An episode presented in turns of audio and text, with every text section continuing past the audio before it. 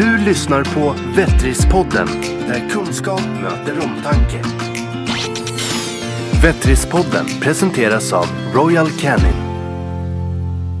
Hej och välkommen till Vettrispodden. Det här är en podcast där du får följa med oss bakom kulisserna i vårt dagliga arbete på våra Vettriskliniker. Jag som pratar heter Helene Löfberg och är ansvarig för Vettris i Sverige. I dagens avsnitt tänkte vi ta er in bakom kulisserna på våra kliniker och eh, vårt dagliga arbete. Eh, och med mig har jag Patricia Riselius från Vettriskliniken i Umeå. Hej hej! Och även Sofie Strindberg som också är veterinär och har en tidigare historia av att ha arbetat på veterinärkliniken i Nyköping. Eh, nu har hon flyttat till Danmark och jobbar fortfarande lite grann som veterinär men framför allt inom forskning. Stämmer precis. Ja. Hej hej. Vill du berätta vad du forskar om? Mm. Eh, jag forskar faktiskt inom humanmedicin. Eh, Jag arbetar på universitetet i Köpenhamn och det är på Institut för farmaci. Så vi arbetar med att i stora drag och göra insulin som pillermedicin istället för att man ska sticka. Så ska man kunna ta ett piller med insulin eller man ska kunna ta ett piller med vaccin i. Ja. Det är ett Ja. stort projekt med många samarbetspartner i. Ja, spännande. Mm, hur, ham- jättespännande. hur hamnade du inom forskning? Ja, hur hamnade jag där? Ehm, jag hade varit mammaledig efter att jag hade jobbat som veterinär i fyra år. Och då blev jag erbjuden en PhD via ett, eh, ett forskningsnätverk jag var med i. Och den var ju väldigt mycket off eh, från det jag var van vid att göra så jag tänkte, oh, ska jag hoppa på det här? Det var 100% humant och ingenting med egentligen med djur eller djur, utveckling av medicin till djur. Men eh, jag sa ja till det och det var ju jättespännande och eh, väldigt utmanande. Framförallt och jag har många gånger har jag kliat mig i huvudet och tänkt jag har ingen aning om jag kommer att komma igenom den här PhD-förloppet så att säga. Men, eh, men nu har jag lämnat in min avhandling så nu hoppas vi. Spännande. Så, Ja, ångrar du vet jag att du alltid har en dörr öppen i, i Nyköping. Det har jag Ja, hört. Ja, det var underbart. Det var fantastiskt. Mm. Ja. Ja, vad kul. Jättekul att du är här på besök. Så det är egentligen en, en slump att du hamnade här just, Ja. just idag. Det var inte ditt syfte med, Nej, med besöket alls. ska hälsa på alla gamla kollegor och titta på den nya fina kliniken i Nyköping som var ju ganska liten när vi började öppna, vi öppnade i 2012. Ehm, och framförallt var den ju, den var, den var inte så kanske så genomtänkt då för vi var ju först i Vettris klinikkedjan eh, som ny klinik. Så det var inget tak. Eh, och det var väldigt eh, alltså, lyhört. Så skulle man prata med sin patient så kunde ju alla i väntrummet också höra det. Det var kanske, man fick, vara, man fick hålla sina aggressioner inom sig. Hade man något som inte gick fel så fick man svära bittert inne i kroppen på sig själv. Liksom. Ehm, och alla samtal hördes ju också tvärs över och hit och dit. Så, att, så det, nu tycker jag, nu är jag inne och tittar på den idag och den har ju blivit superfin. Det är en helt annan klinik. Ja, man lär sig när man börjar om också. Man gör ju det ja. Ja, arbetet på klinik är ju både roligt och utmanande. Jag eh, själv är djursjukskötare i botten. Eh, jobbar inte så mycket kliniskt just nu men, eh, men har gjort det i många år tidigare. Eh, så jag vet också vad det innebär.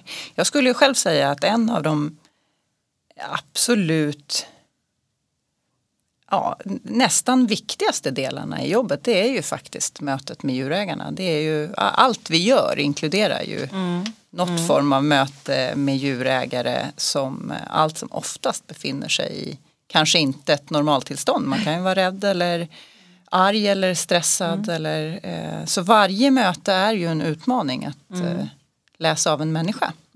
Eh, Jag tror många blir väldigt förvånade som har gått eh, djurvårdarprogram eller veterinärprogram och kommer ut i den verkliga världen och inser hur mycket just människokontakter eh, man har. För att eh, jag stod ju och valde mellan att bli läkare och veterinär till exempel. Och valde ju veterinär just för att hålla på med djuren. Men eh, hade inte en tanke på, tror jag, hur dominerande eh, kontakterna med människor ändå är i det jobb som man har. Och att det kan vara ganska eh, komplicerat just med tanke på, det kan nog jämföras med barnläkare. Eh, mer att eh, patienten som kommer är ju egentligen har en beskyddare med sig. Så om jag är läkare och har en patient som jag eh, behandlar för någonting och har jag en direktkontakt med patienten.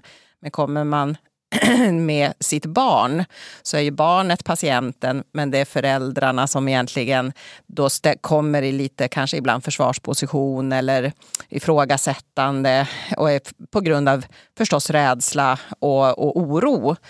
Eh, och den, eh, det fenomenet hade jag inte räknat med i varje patient jag träffar. Att man hamnar i den relationen. Man skulle nästan behöva en snudd av psykologiutbildning. Ja, Någon del i... hantering av, av kommunikation med människor i olika faser och kanske kriser och eh, stadier. Och det är ju någonting som på min tid i alla fall inte ingick alls i veterinärutbildningen. Jag tror vi fick i alla fall inte heller det. Men jag har ju läst i Danmark. Mm. Eh, men det är väldigt lite alltså patient eller djurägarkontakt under utbildningen. Där har du några år, de sista två åren kan du ta vakter, så som, som de kallar det på danska då, på djursjukhuset. Mm. Men du har ju alltid, du är ganska beskyddad, du har ju en, en, en, eh, vägledare med dig och du får inte riktigt lov att ha den här direkt, direkta kontakten. Så för mig var det ju att jag jobbade jättemycket som sköterska under alla åren. Mm. Eh, det var det enda grunden till att jag, skulle, att jag kunde öppna den kliniken här uppe. Mm. Det var för att jag hade varit sköterska och visste, precis som vi snackade om det här med bakom kulisserna, hur driver man en klinik? Mm. Det är ju mycket sköterskejobbet man måste kunna då, mm. för annars har du inte basen. Mm. Mm. Det räcker ju inte att kunna sticka massa djur utan man måste kunna allt det andra också. Nej. Så det får man ju inte heller i Danmark alltså. Nej. Och, ja. ja Patricia, när, du, när det kommer en djurägare eller en, en ny patient till mm. din eh, klinik. Mm. Hur tänker du? Förbereder du det på något sätt innan? Ja, för varje... Eh, nu går, har jag jobbat i 20 år med det här så det kommer ju mer och mer av rutin. Eh, men det ligger ju alltid en... Jag kan se mig själv som att jag kommer in lite på en scen när jag kommer in i ett rum. Därför att det är helt öppet. Jag vet inte vad som kommer att hända. Jag vet eh, kanske ungefär vad problemet är, för det har jag sett i bokningen. Men det kan ju vara helt andra saker jag kliver in i rent fallmässigt med djuret. Men det jag förväntar mig, det jag, det jag vet att det kommer att stå en djurägare där också.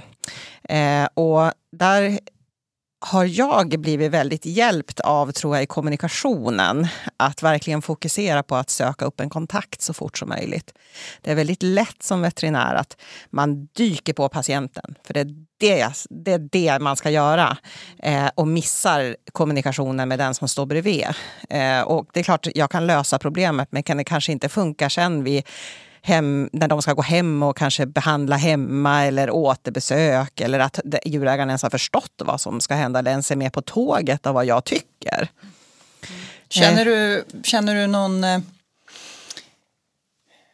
vad ska man säga, eh, osäkerhet när du, eh, när du ska gå in? Ja. Känner du dig alltid trygg när du ska in till en patient? Eh, nej, nu känner jag mig trygg på så sätt att jag har träffat så mycket men annars är det många år där det var en skräck att gå in och inte veta vilka man ska träffa. Och det är väldigt vanligt att djurägare kan uppfattas, nu pratar inte jag om alla veterinärer, men för mig, att man kan uppleva djurägare som ganska avståndstagande, lite sura, irriterade, eh, frågasättande.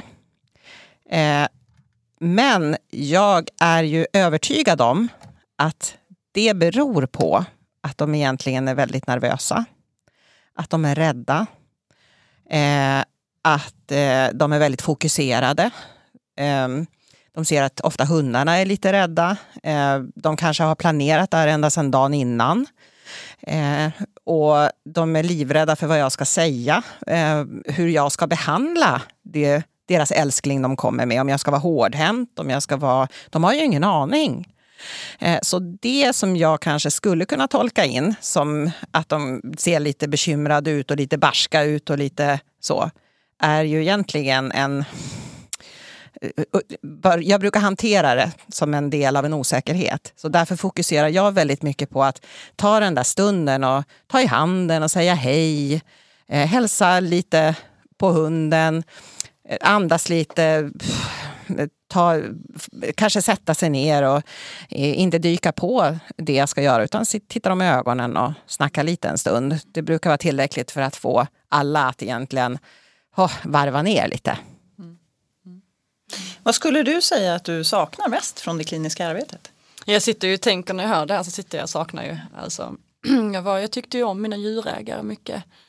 Ehm, och det här att i första mötet gör en sån enorm skillnad för hur du får, för, du får för relation till dem sen.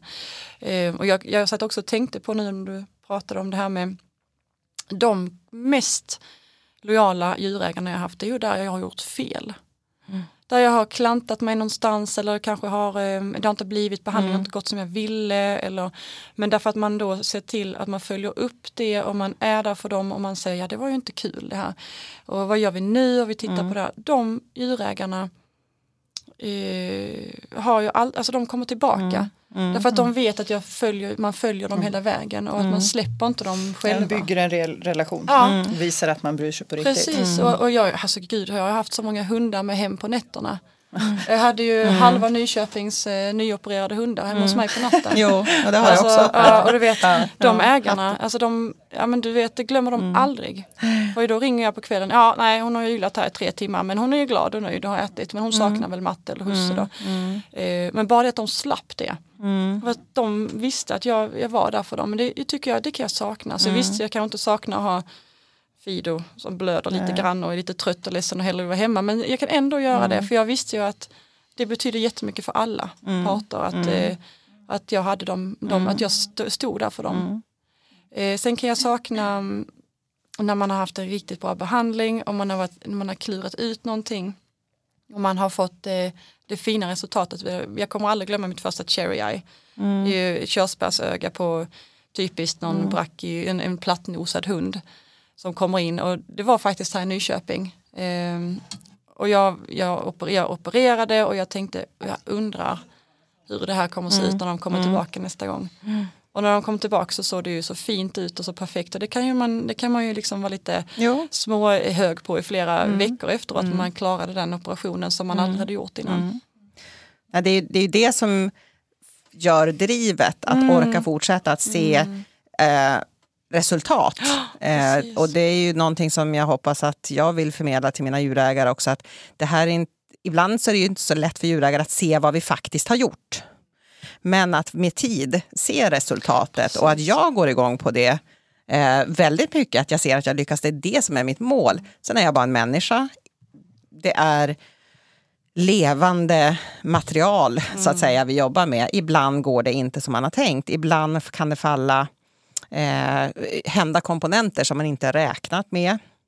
Eh, haverier som man inte hade tänkt. Eh, och där hamnar vi alla. Men att då ha byggt upp den här eh, grundläggande kommunikationen, de där första stunderna på rummet, kan vara avgörande för hur man sen kan tackla fortsättningen eh, för, för alla parter egentligen. Mm. Nu, du är ju inne lite grann på ett ämne som vi faktiskt har pratat om tidigare här också. Mm. När vi har suttit och chitchattat mm. eh, ihop. Just eh, det går ju inte alltid som man har tänkt sig. Nej. Heller. Nej. Eh, och eh, även man, man gör allt man kan men, men ibland så händer det ju eh, saker som man inte mm. har räknat med helt mm. enkelt. Och hur oerhört viktigt det är med rutiner för mm. alla tänkbara scenarier som man skulle kunna för att skapa en trygghet mm. för personalen som arbetar också. För mig och eh, min personal, det jag försöker vara väldigt noga med, både inför mig själv och inför dem, det är att verkligen inte sopa undan det som inte blev som jag hade tänkt mig. Det kan vara allt ifrån att det råkar bli en dubbelbokning i, i dessa småsaker i rutin till stora saker där faktiskt till exempel de flesta som söver djur har varit med om att någon har dött i narkos till exempel. Eh, men att verkligen då i sådana fall när worst case scenario också precis som i de små gå till botten. Vad hände? Vad kan vi göra för att det här inte ska hända igen? Kan vi shapea upp rutinerna på något vis?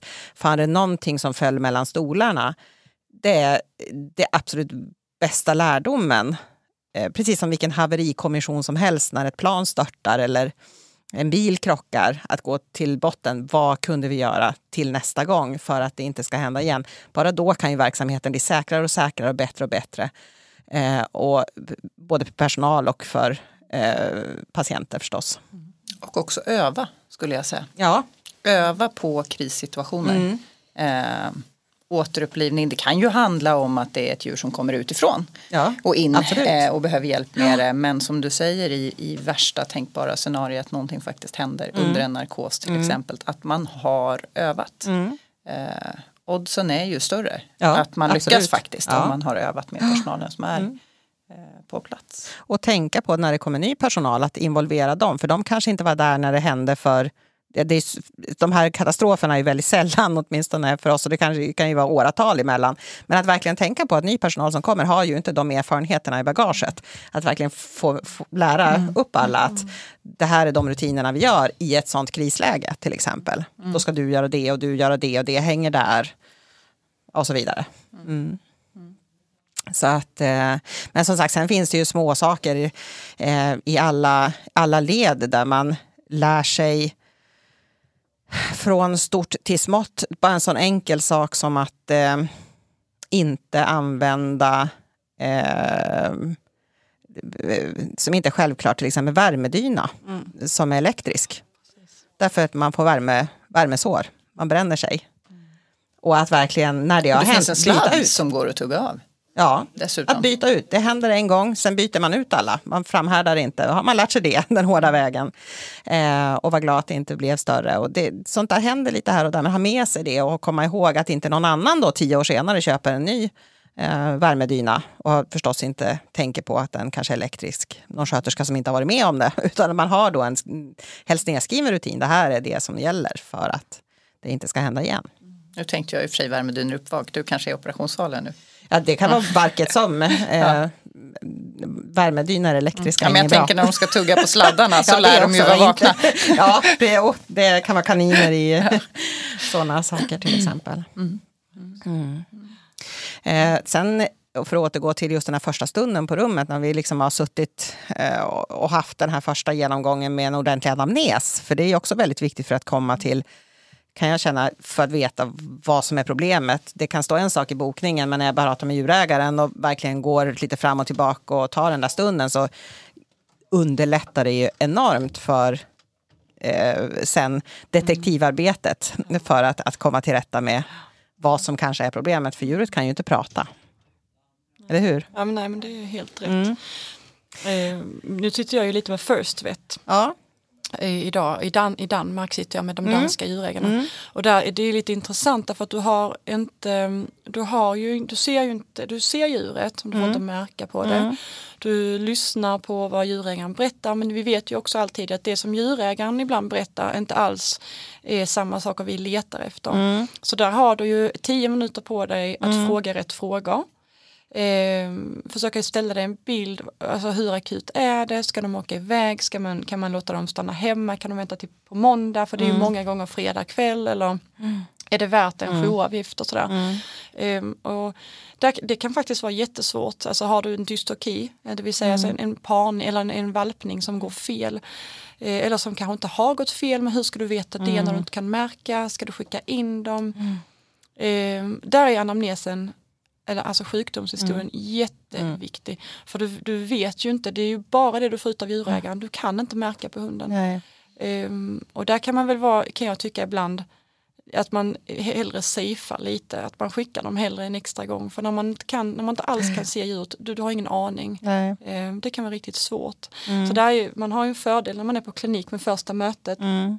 Att du, du ser ju hunden, du, även om du pratar med ägaren, medan du pratar och får sjukdomshistorien så tittar man på djuret. Och så lurar man lite på, mm, Så där är det ju, svarar man i telefon på en klinik Ja, och känner precis. just den där osäkerheten som du pratar om, då kan man ju alltid säga att det är svårt att bedöma. Kom så får jag titta. Och sen kan man säga det, det ser okej ut, du kan åka hem. Men då kan man ändå erbjuda det. Så det är klart, det blir ju en svårighet Ja, för dig man om du sitter, om, eftersom du inte har en instans där du också kan ta emot någon Exakt. när du sitter så. Men och, så, och så ställa de här klassiska frågorna som ringar in på, i, i diffus. För det, det är ju också en sån här klassiker när, när till exempel, som jag har varit med om lite då och då, kommer in en tik eh, med sin ägare som ja, har ont i bakkroppen eller halt kommer in för det och när man börjar fråga så bara de här klassiska, äter den och dricker normalt? Ja, den dricker jättemycket vatten. Det kommer något, ah, det här är någonting annat. Ja, när löpte den sist? Ja, två månader sedan. Ja. Och börja tänka, det kanske är något internt, det kanske då i det fallet livmoderinflammation, eh, ur, li, ur, urinvägsinfektion, ont i njurarna, det kan vara en massa saker som inte har med, med, med skelettet eller lederna att göra, som ägaren kanske trodde när den kom in. Så det ägarna kan kanske uppleva som ett förhör, det är just därför att vi kan inte prata med individen som kan säga nej, jag har inte ont där, jag har ont här. Så just de där frågorna, det kan vara ganska spännande egentligen och, och, och tycker jag de där stunderna. Det är extra roligt som sköterska. Jag har jobbat mycket på akutmottagning. Eh, och då är man ju inte den i slutändan som ställer diagnoserna Nej. eller, eller bestämmer behandlingar eller plan och sånt där. Men jag brukade alltid roa mig med för att man, man är ju ute och pratar eftersom man gör en så kallad triagering för att, för att faktiskt bedöma hur bråttom det är och, och vilken som ska in först. Ehm, så brukade jag alltid roa mig med att kliva därifrån och fundera på vad jag trodde att det var för fel. Och kanske till och med vad behandlingen skulle vara för att stimulera min egen tankeverksamhet. Och så får, gäller det att prata med, med veterinären efteråt då, för att Mm. se om man var på, på rätt eller fel spår. Eh, när man inte är veterinär själv. Men, eh, men väldigt roligt och lärorikt att Mm. faktiskt eh, jobba så. Eh, även som sköterska. Mm. Sen eh, när eh, Eh, jag väl ska börja med själva undersökningen eh, så tycker ju många ägare, tror jag, eh, tyck, är, tycker, tycker att det är lite obehagligt med det här att komma upp på bord. Att de ska ställas på bord. De hade nog hellre velat att jag skulle krypa ner på golvet. Ibland känns det så, ja ägarna det här går inte och den kommer inte upp. Men jag vill slå ett slag för att det finns ett bra syfte med det. Eh, de eh, står stadigare, golv är ofta mycket halkigare. Eh, och faktiskt när djuret kommer upp på bordet och liksom kommer upp lite, man får ett ögonkontakt. Jag kan se och känna mycket bättre, få en helhetsbild. Och djuret blir på något vis ofta, både ja, hundar framför allt, för katter brukar oftast hamna på bord på en gång, eh, blir lugnare i de, de kommer liksom med i sammanhanget. De är inte och springer och gömmer sig under en stol eller man får jaga dem, utan där står de. Eh, så det kan, och de har matte eh, eller husse väldigt nära intill, så de har ändå stödet eh, från dem.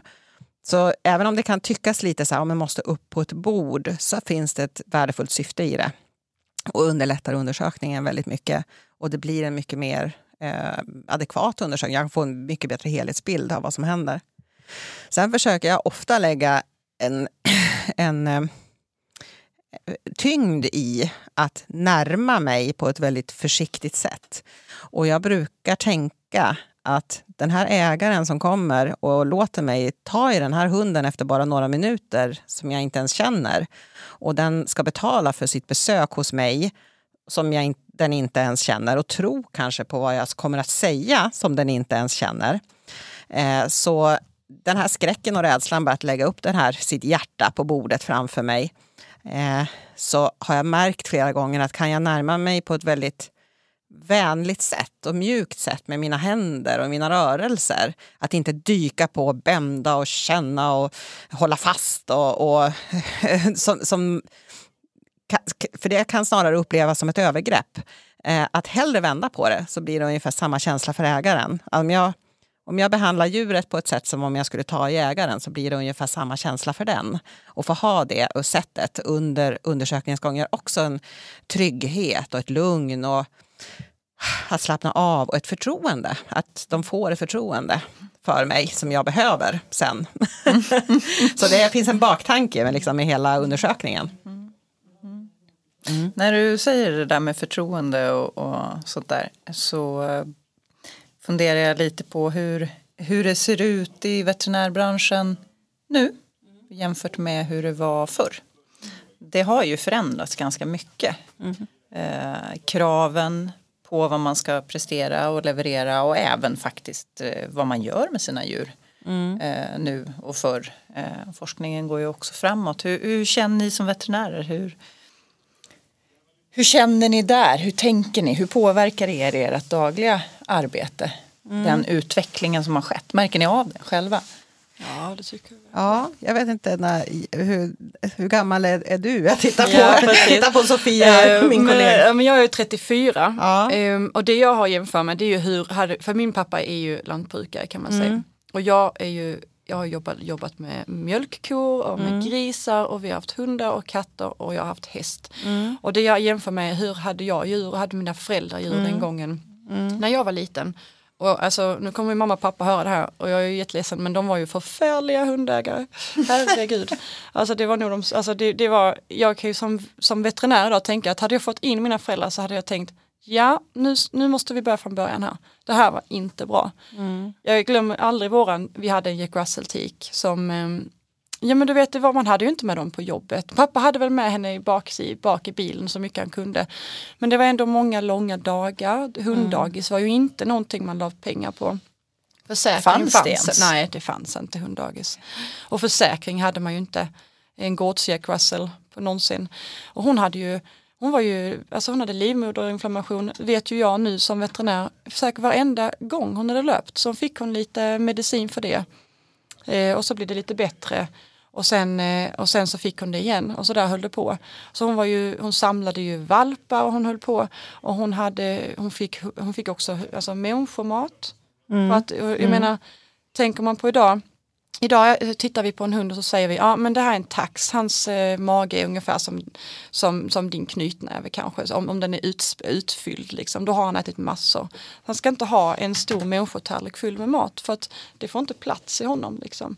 Men mm. min, vår hund fick en tallrik varje dag, en, en macka på morgonen och en kvällsmacka. Och en kväll, alltså, hon fick ju hur mycket mat som helst, hon var ju tjock mm. som en, som en eh, mm. jag vet inte vad. Och, alltså, tänderna fick, mådde inte bra allt det här, det var, hon var ju högt älskad. Mm. Och älskad, alltså den här hunden var ju mm. så älskad så att det kanske gick lite liksom snett. Mm. Så då, jag har alltid haft min, min familjs sätt att älska en hund på i baktanken när jag har och det är verkligen hundar. sant för att man kan älska ett djur på fel sätt. Det kan mm. man och, och, man och man råkar ju göra det, man gör allt man tror, man vill ju bara att de ska vara glada och ha det bra liksom. Mm. Eh, men jag, de har varit min, min någonstans kanske och samma sak med alla hela kaniner vi hade. Ja, mina kaniner hade det i och för sig bra för de var ju stallkaniner. Mm. Så de var, åt ju hö och var ute mm. hela dagarna. Det var ju inte det man gjorde, man gav gnagarblandning. Mm. Eh, de satt i burar, alltså kaniner är ju en minihäst. Mm. De ska ut och springa. Mm. Det är fortfarande många som mm. inte vet det. Eh, så jag tänker hur hade man, alltså när man hade husdjur för det var väl mycket så man höll, det var de djuren man såg på kliniken. Mm. Och då behandlar man en, en, en tik med livmoderinflammation ofta med lite eh, alltså penicillin och ehm, eh, ja, vad heter det, eh, ehm, Ali, mm. alicin. Ja, det, oj, det fanns alicin. ja, då, alicin har inte kommit, det är ju modern ja, medicin. Men det, du vet, jag ska ut... nog tänka mig att de dog. Ja, ja. Lite penicillin. nej, nej, men, eh, nej, men jag, jag, jag, för jag är ju 50 ja. och jag, jag ser bara bak... Eh, det jag känner när jag var liten, alltså mina mentorer, de, eh, jag har en mentorsveterinär som han gick bort för ett par år sedan. Eh, som var jätteduktig på Umeå. Han var med och grundade Strömsholm, har han berättat som yngre. Då är vi liksom nere på 40 år sedan, kanske mm. 40-50 år sedan. Och eh, det var ju unikt då. Och om vi tänker djursjukhus i den digniteten, den finns ju överallt nu. Och det var någonting stort på ett ställe i hela Sverige. Då fanns det. I övrigt så min erfarenhet är att man satt ensam, man hade små kliniker, man hade väldigt spartanska eh, förutsättningar. Eh, det fanns, man var kanske glad om det fanns en gammal röntgen eh, där man fick handframkalla alla bilder. Eh, eh, och det var, för ganska nyss så var ju det verkligheten för många ägare. Och jag märker ju nu äldre personer som kommer in till mig har en annan syn på vad som är rimligt och vad som kanske är eh, det de förväntar sig. De blir liksom wow, går det här att operera? Oj! Eh, därför att det var inte så självklart för 30-40 år sedan att eh, det vi gör idag. Eh, nu har ju snarare, apropå nu, nu och då, blivit eh, en väldig förväntan på vad som ska levereras och service. Det touchade vi lite igår också, apropå kostnader och äh, att det har gått upp, att det har blivit en helt annan förväntning från djurägarna. Jag vet inte, håller ni med mm. i de tankarna? Ja, absolut. Så är det. Och då, jag tänker, eftersom vi nu är lite eh, i våra huvuden och bakom ja. kulisserna. Ja. eh, när du säger så, så kan jag ibland känna eh, förväntningarna har ju gått upp, absolut. Mm eh, möjligheterna att göra saker har mm. ökat enormt. Mm. Eh, som personal är det kanske inte alltid man faktiskt känner att man gör rätt sak för, för djuret. Bara för att man kan eh, åtgärda Nej. en sak är det inte alltid säkert att det är, nu talar jag från mm. ur, ur, mitt eget perspektiv, mm. eh, från mitt hjärta. Mm. Ibland kan jag känna att det blir snudd på eh, inte etiskt. Mm. Det kan bli nästan prestige i hur mycket det går att göra. Eh, där man tappar kanske fokus på vem man gör det för. Och en djurägare som har sin älskade vän som de vill göra allt, allt, allt mm. för. Eh, men det är lätt eh, att bli fartblind i det tror jag.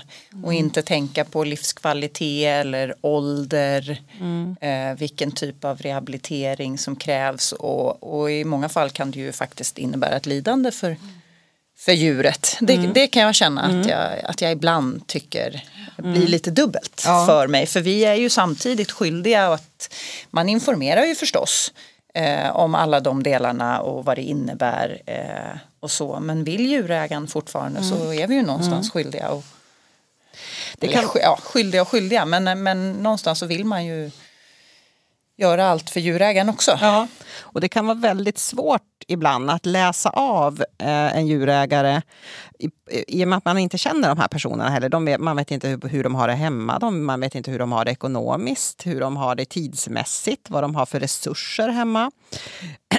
att läsa av på en ganska kort stund eh, vad man... Att ge dem alla alternativ, det kan jag göra som, som finns att välja på.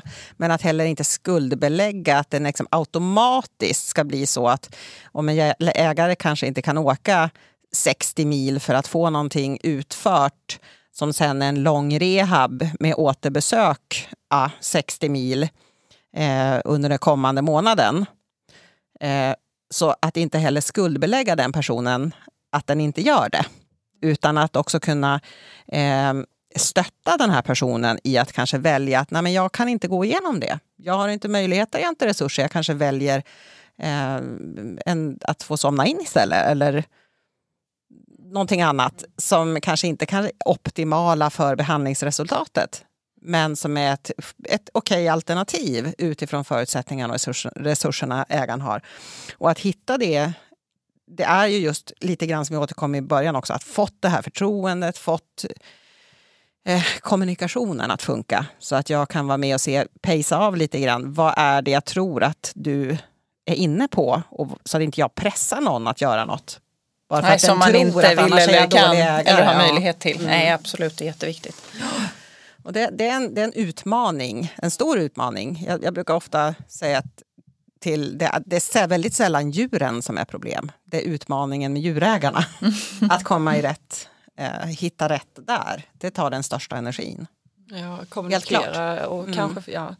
Det, jag, jag, ja, jag håller med. Och jag tror det är just som du sa innan det här första mötet så viktigt mm. för att det är du som, även om du har en mental tanke, alltså en tanke över mm. vilken behandling mm. du tycker är rätt för djuret så ska du också förmedla den så att ägaren också tycker det är den rätta mm. behandlingen. Mm. Och där jag tror jag många gånger att har man fått det första mötet rätt och presenterat alla alternativ så mm. kan man, och så, så brukar jag låta dem säga, men vad tycker du? Mm. Det frågar de ju ofta. Ja, de frågar det. Och då brukar jag säga, men om du frågar mig helt ärligt, mm. om det varit min hund, mm. då hade jag gjort så här. Mm. Och så, hade jag, och så säger jag, och det hade jag gjort för att, och så vidare och så vidare. Mm. Och, och är man helt bottenärlig där, då tycker mm. jag många gånger de tar det till sig. För att då känner de, men om hon gör det med sin hund och för att hon hon vet vilka konsekvenser det kan vara. Då tycker jag faktiskt det är det bästa sättet att nå in till och, och få förmedlat de, informationen rätt. Det säger jag också till mina först djurägare när de ringer. Då säger de, vad hade du gjort? Så hade jag sagt, ja men jag hade nog åkt in. Jag hade åkt in för jag hade inte sovit i natt. Och då kanske du ska göra det. Om du känner att du inte kan sova natt, då kanske du ska, alltså jag hade, jag hade om det var min hund. Det är nästan det bästa för då lägger man ju inte, det är ändå upp till dem, men de får ett, en liten vägledning. Liksom. Jag tycker det funkar oftast ganska bra. Märker du stora skillnader mellan Sverige och Danmark? Ja, jag satt och klurade lite på det. Mm, ja, det gör jag. Ja, Jag satt och tänkte just när ni pratade om det här hur långt man går för djuren idag. Eh, där är man fortfarande inte riktigt i Danmark. Du gör, alltså du tänker kanske inte amputera eh, alltså ett ben på samma sätt som man gör här och tänker att ja, men den, lever, den här vovven kan leva med tre ben utan problem. Utan där säger man en grundläggande skillnad är att man säger Kommer en djurägare in så säger, eh, i Sverige så säger han hon har ont i sitt ben eller han har ont i sitt ben. I Danmark säger de den har ont i sitt ben. Du är liksom Djuren har inte riktigt samma höga status Nej, i Danmark. inte riktigt. Och framförallt katter och kaniner har ju närmast fortfarande, alltså det börjar komma försäkringar och sådär men de flesta djurägarna har fortfarande inte försäkring på sina djur. Det ser du nästan inte idag längre. Det är väldigt sällan. Du kommer kanske, jag vet inte vad ska man säga, säg att du har en fyra, fem bokningar så kanske det är en av dem i Sverige som inte har försäkring. Alltså i Danmark så kan det vara... eh, Max, alltså, skulle jag säga. Ja exakt och då tycker jag, då, är man lite, då blir man alltid lite överraskad i Sverige. Man frågar nästan inte längre, har du försäkring? Nej, vilket Eh, försäkringsbolag har du? Precis, om man tittar i journalen och man tittar och står där inget försäkringsbolag i journalen då tänker man att ah, men det är väl nog bara missat att skylla i. I Danmark så står det som regel inte ens en ruta där du kan välja försäkringsbolag. Utan du, du, det är liksom inte ens med i tanken på, du frågar när de kommer in, har du försäkring? Är de som i Sverige för 30-40 år sedan. Ja, lite så. Och du gör, det, jag, hade, jag kommer ihåg faktiskt, för jag hade en First Vet för inte så länge sedan.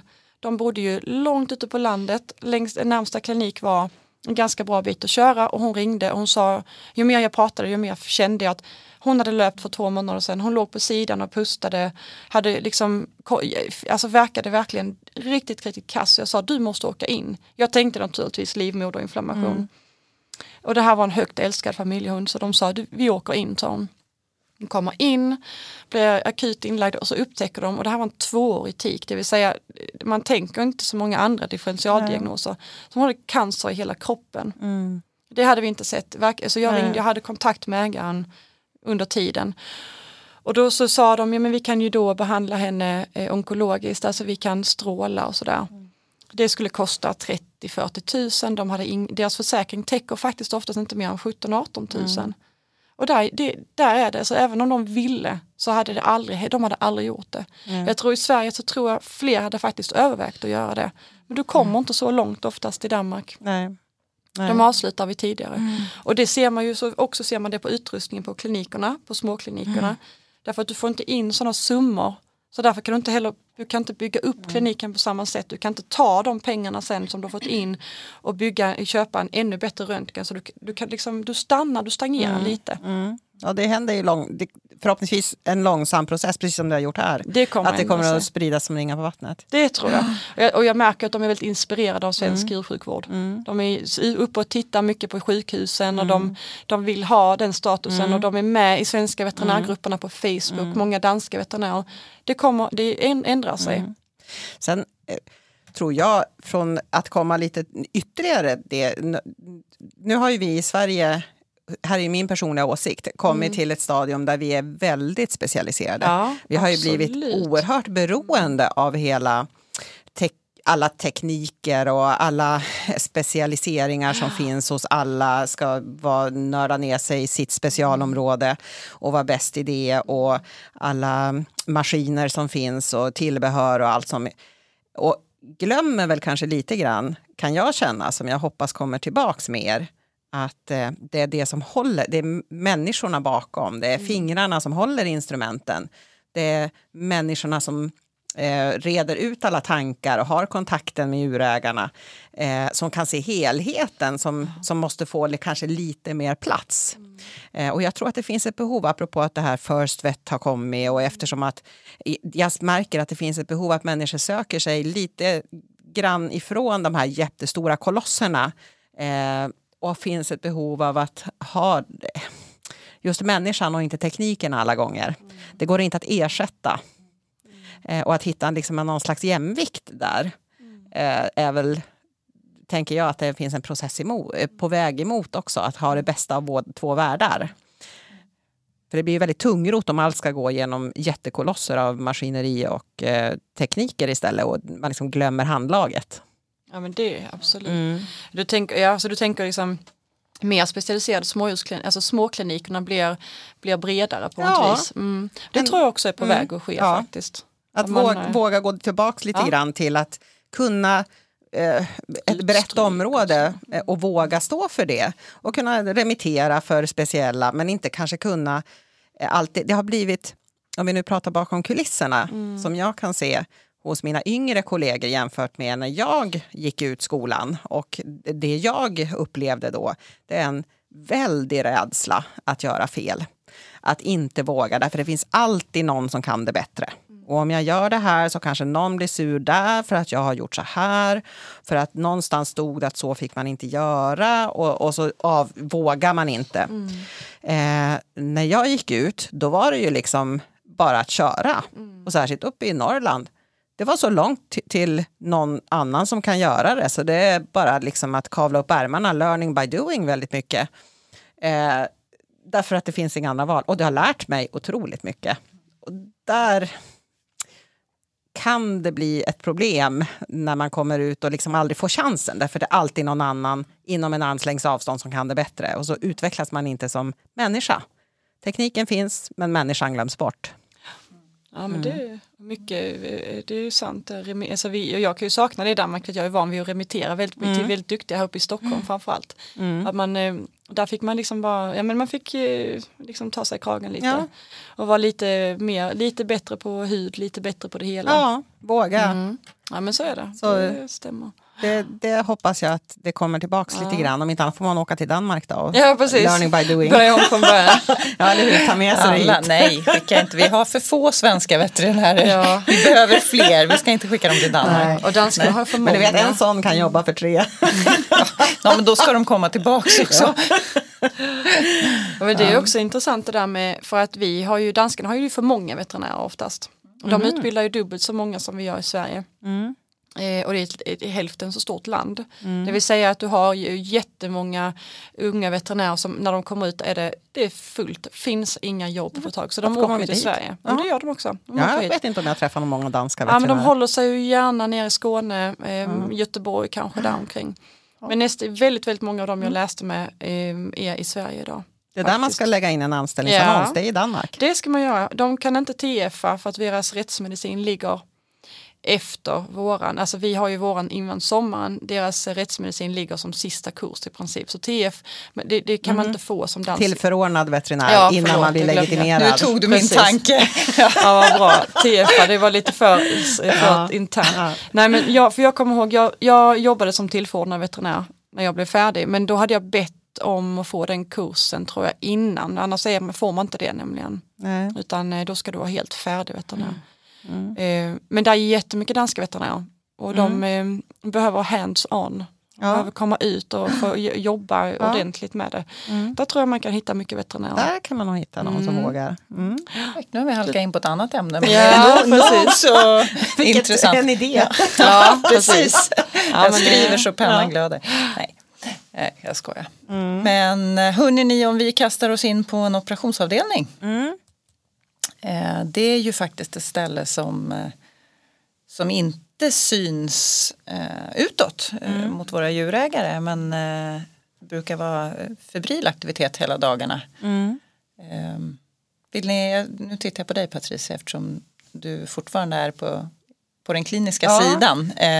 jag opererar mycket. Jag ja, opererar i stort ja. sett varenda förmiddag. Kan du inte berätta, berätta lite för våra lyssnare hur, hur det går till? Hur det går till, vad händer där bakom? Ja, hur, Eh, på min eh, klinik så är det ju så att de, eh, vet, eh, alla djur kommer in på morgonen. Så de skrivs in av sköterskor.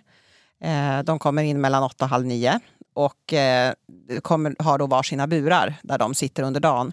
Och det kan man väl tycka är lite onödigt att alla kommer in samtidigt. Men för att det ska rulla smidigt under dagen för saker och ting kan ändras. För att, eh, operationer kan ta olika lång tid. Ibland är det folk som inte dyker upp. Det kan komma in akutfall som måste tas emellan. Så måste man, precis som en operationsavdelning på lasarettet, djuren sitta på plats. Så när jag kommer, när de är inskrivna, då lyssnar jag på alla hjärtan och liksom kollar igenom att allt är okej. Okay. Eh, För det tar ju ganska mycket mera tid än bara just själva tiden för ingreppet. Ja, ja, ja. Eh, den största delen tar egentligen före och efter. Nej, men lyssna på alla. Eh, vi räknar ut doseringar eh, för i varje individ, vad de ska ha i premedicinering, eventuellt smärtstillande, vilka narkoser som ska användas och så vidare.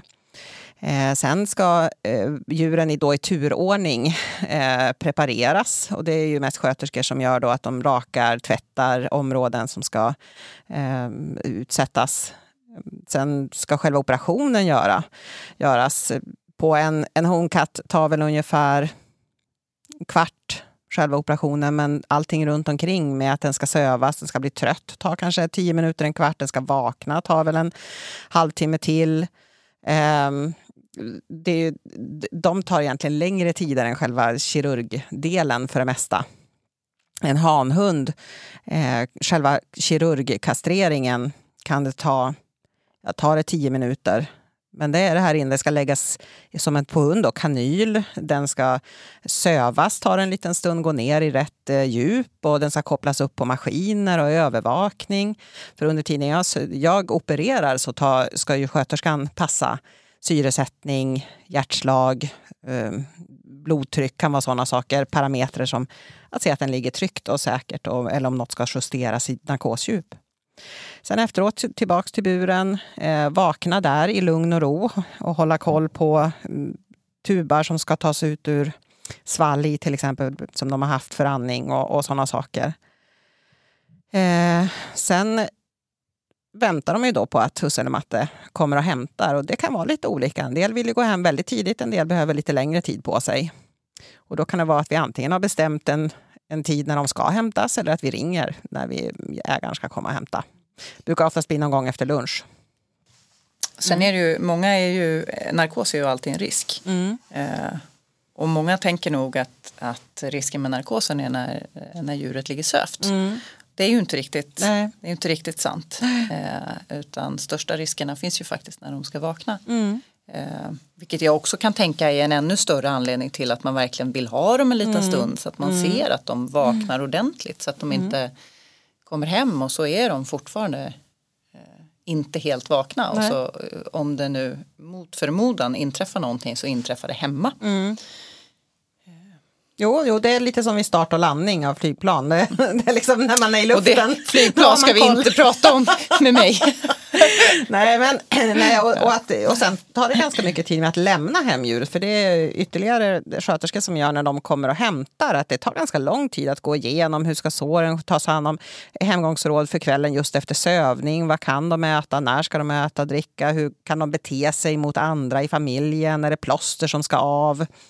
Frågor, sånt där tar tid. Så Eh, det, som sagt, den kirurgiska biten är den minsta tiden. Jag står med en skalpell och faktiskt gör det aktiva ingreppet. Eh. Måste jag bara berätta en, faktiskt en, eh, gällande en egen hund som jag hade. Mm. Det här har bara hänt mig en enda gång och då var det just min egen hund. Mm. Eh, du säger beteendeförändringar. Mm. Eh, min, jag har en liten hund som fick livmodersinflammation. Mm. Så hon kastrerades och var ganska pipig när hon vaknade. Eh, orolig och jag var ju ändå med eftersom mm. jag jobbade på kliniken mm. där där hon kastrerades. Jag klappade, det funkade inte och hon var orolig. Så att, tänkte vi till sist efter en stund att nej men hon har nog lite ont. Eh, så hon fick lite mera smärtlindring. Mm. Och så fortsatte hon och sen så öppnar jag buren och så ska jag klappa lite på henne. Och hon flyger ut som en kobra, kobra mm. och hugger mig i näsan. Ja. ja. Eh, och i själva verket så hade hon nog inte ont. Nej, utan hon var hög som ett hus. Mm. Och snedtände alldeles. Mm. Eh, men det mm. har aldrig hänt mig tidigare faktiskt. Nej. Men, den, men då blir man lite förvånad på sin egen hund. Ja, jag tror att hon hade några inre aggressioner ja. mot mig som faktiskt kom ut där. kom av. Ja. ja men det kan ju hända. Man har barn hemma till exempel. Ja, och tar absolut. Jo, lite för tidigt och så. så att det... Eh, tänker helt annorlunda efter den mm. eh, gången faktiskt. Mm. Sen eh, på en eh, operationsavdelning, jag tar ju mycket tänder och håller på väldigt mycket med tänder. Och tänka så att vi tar de sterila operationerna först och tänder tar vi alltid sist.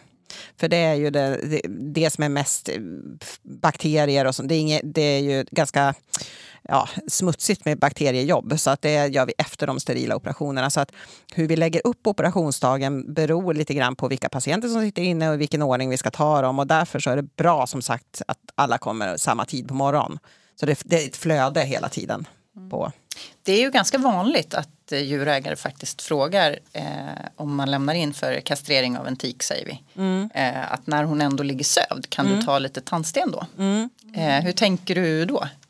Vi brukar inte rekommendera det eftersom att man har gjort en steril operation och det är ett sår. Mm, eh, det är i alla fall en öppning in i buken. Även om det är ihopsytt så är det inte huden intakt. Och eh, börjar vi ta tandsten och vara inne i munnen så blir det aerosoler och det blir bakterier runt om som, eh, som kan göra infektionsrisken större. Så därför brukar vi inte rekommendera att blanda ihop tänder med eh, operationer.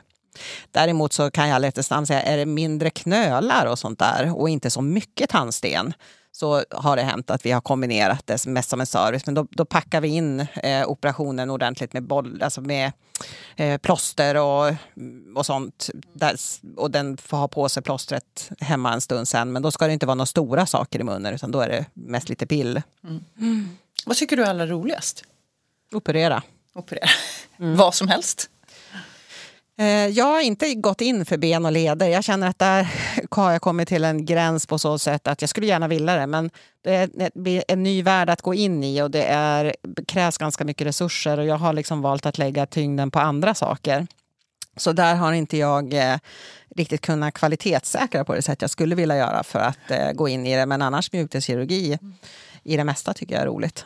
Mm. Mm. Mm. Hur är det med dig då? Vad jag tycker är roligast?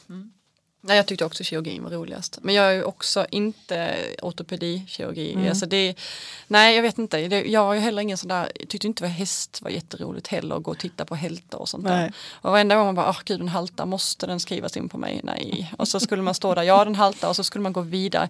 Ja, då var det himla skönt att kunna skicka det till någon riktigt duktig snubbe på kirurgi någonstans och bli av med det. Men samtidigt så, em, nej alltså kirurgin var kul. Jag tyckte det var jätteroligt. Hud var ju inte heller så på, alltså det var ju, för det var så himla, jag tyckte det var svårt med hud. Ja. För vi hade alla olika rasgrejer och då hade, alltså, det var ett, ett eh, riktigt mysterium många gånger. Hade man någon som gillade det? Ja, alltså, hud är ju ett så stort, som du säger, område. Ja. Men å andra sidan, jag tänker på alla hudpatienter. Kan det vara 90 procent av alla patienter som är hud? Om vi tänker sår, Ja, nej, precis, klådor, ja. eh, pälsförändringar, eh, klor, eh, öron. Det, det, det är liksom, hud är en enormt Ja. stor del av patientflödet på Ja. olika sätt. Eh, och jag hade sån otrolig tur, så när jag jobbade i Stockholm så hade jag Kerstin Bergvall som är hudspecialist, eh, kanonduktig, så hon var min handledare.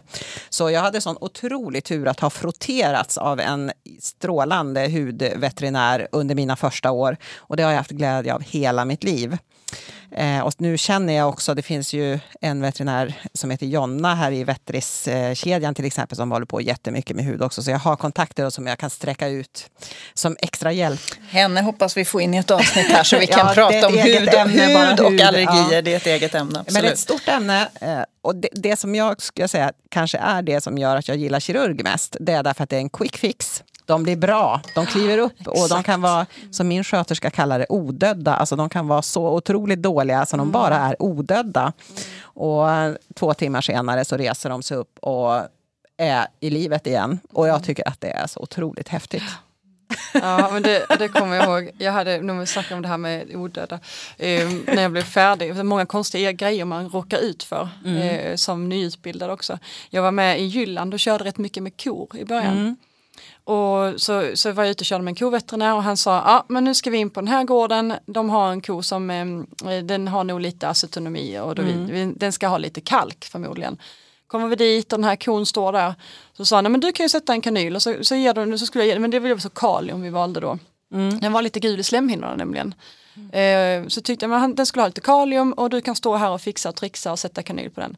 Och där stod jag och så till sist så såg jag bara kon liksom rup, doink, rakt ner på golvet och dog. Ehm, Och det var ju såklart inte jättetoppen att vara första veterinärgrejen. Och där stod jag med min flaska kalium och kon låg där och jag var jaha, nej nu är den... Och så kom lantbrukaren så sa han, ja går det bra? På danska då. då. Jag bara, mm, nej, ja, den, nej, inte så bra. Och så kom veterinären tillbaka och det visade sig såklart att den hade ju haft en jättefett lever så det var kört för den kon. Ja. Men han tyckte väl att jag skulle få prova det. Eh, och liksom se, ja, men så där, för, för sen senare fick jag göra många sådana kalkkor. Och de är ju rätt häftiga för har du, alltså har du en kaliumko eller en kalkko så är det ju, har du en, en, kalv, en, en förlamad ko som har haft eh, för mjölkats för mycket efter en kalvning och då ger de en flaska kalcium, men då reser den sig och. Reser sig medan. Ja. Och det är, det är ju så häftigt att se. Mm. Och, Men, ja. och för smådjur då, samma sak kan jag känna, Ja. livmoderinflammationstikar, de kan man nästan se under operationen. De kan vara riktigt dåliga. Eh, de får lite vätska, eh, sätter igång innan och så sen operation. Och nästan under operationen, de ligger där på en syresättning på 70-80 och kan knappt pressas upp i blodtryck. Och, eh, jag tänker jag är snabb, sköterskan börjar skaka lite på fingrarna, någon svettdroppe kommer och jag bara kör på. Och när jag klampat av kärlen så ser man hur syresättningen bara stiger upp till 80-90 och där kommer livet tillbaka. Ja, det så det är kul. Ja. Alltså det, är, det är sådana patienter som jag gillar. tycker också det är spännande. när man, precis som du säger, lite quick fix, man Ja, vet att problemet precis. är löst förhoppningsvis när man är färdig. Ja. Liksom. Ja, nej, och jag hade också, vi hade jättemycket konstiga grejer i början. För vi, som sagt, första vetriskliniken, det var, ju ganska, det var inte riktigt kon- koncept färdigt. Och vi hade den här fina kliniken och vi ville bara ha in kunder och djurägare och allting och liksom sätta, sätta igång, komma igång. Så kom jag ihåg, det ringde någon som sa, ah, men eh, kan ni kastrera en, en get? Jag bara, ja ja, ja ja, klart, inga problem här, fixar jag. Så kom de in med den här geten då, det var ju en, en, liksom en, vad heter det? Det heter ju inte bagge på get, det heter väl något annat. Ja, en hanget säger vi då. En bock kanske. Ja. Ja, den kom in och den var jag glad i hågen och fattade ju ingenting för den, det var deras kelget. Och den var ju normalt ute på marken så den skulle kastreras. Och jag satte igång och gjorde någon blandning. Jo, tur, jag var ju stordjursveterinär från början så det var ju bara att kötta på vad jag hade. Liksom. Mm, men lite hit och dit. Och den, den, som, den somnade men den bräkte ju hela tiden. Till sist var det tyst och tänkte jag, men nu sover han nog. Ja, det gjorde han. In, kastrera den eh, och färdig och fixad. Det var ju inte någon liten katt här inte. Det var ju några kilo som skulle bort där liksom. Så den blev kastrerad och sen eh, var det ju så att vi hade ju inget tak på veterinärkliniken. Så det var ju inte så att det var bara vår klinik som hörde det utan borta på liksom hela på Ljungshage hade ju hört att de bara, nej men är det en get? Vi bara, nej nej nej nej nej, nej nu va? Nej här har vi inga getter. Och sen så eh, när den vaknade så den snedtände nämligen också på det där. Jaha. Så det var ju en bräkande get som var hysterisk. I, alltså det var ju som att, det var ju, det, de kan bräka väldigt högt kan jag berätta. Ja, ja. Det var väldigt Jo, högt. De kan skrika. Ja, det Ja. var helt, helt sanslöst. Så vi ringde till ägaren, du nu är han vaken här, kan du komma? Ja, jag ska bara handla lite. Jag Ja, bara, precis. nej, nej, hämta. så, eh, så det var liksom vår första patient, eh, operationspatient, det var en get eh, som eh, som skulle kastreras och det var, det var, det var liksom, det blev inga fler getter, så mycket kan jag säga. Nej, Det kom den borde vara fotad och inramad och hänga i väntrummet faktiskt. Han borde faktiskt ha fått, eh, vi hade ju en liten, sen blev vår riktiga, vår första första patient, det är en hund som fortfarande går på vetriskliniken. En liten vit söt eh, bomullshund. Och han måste ju vara mm, 12, han är sju år idag. Så han har, honom har vi bild på, för han, det, han, det är ju han som jag har på mitt eh, vetrisfoto som vi hade som första foto i början. Men geten fick inte vara med. Nej. Nej, Nej. taskigt. Ja. Men kastrerad blev han i alla fall. Mm. Det var han inte så glad för. Härligt. Ja. Ja. Ja, det finns, ju, det finns ju en del roliga anekdoter. Absolut. Eh, Man skulle Ja. kunna prata i evigheter om. Ja, alltså Ja. det blir min pan, när jag går i pension. Det är liksom min plan. Att då ska jag flytta till Toscana så ska jag skriva mina anekdoter och min, min biografi.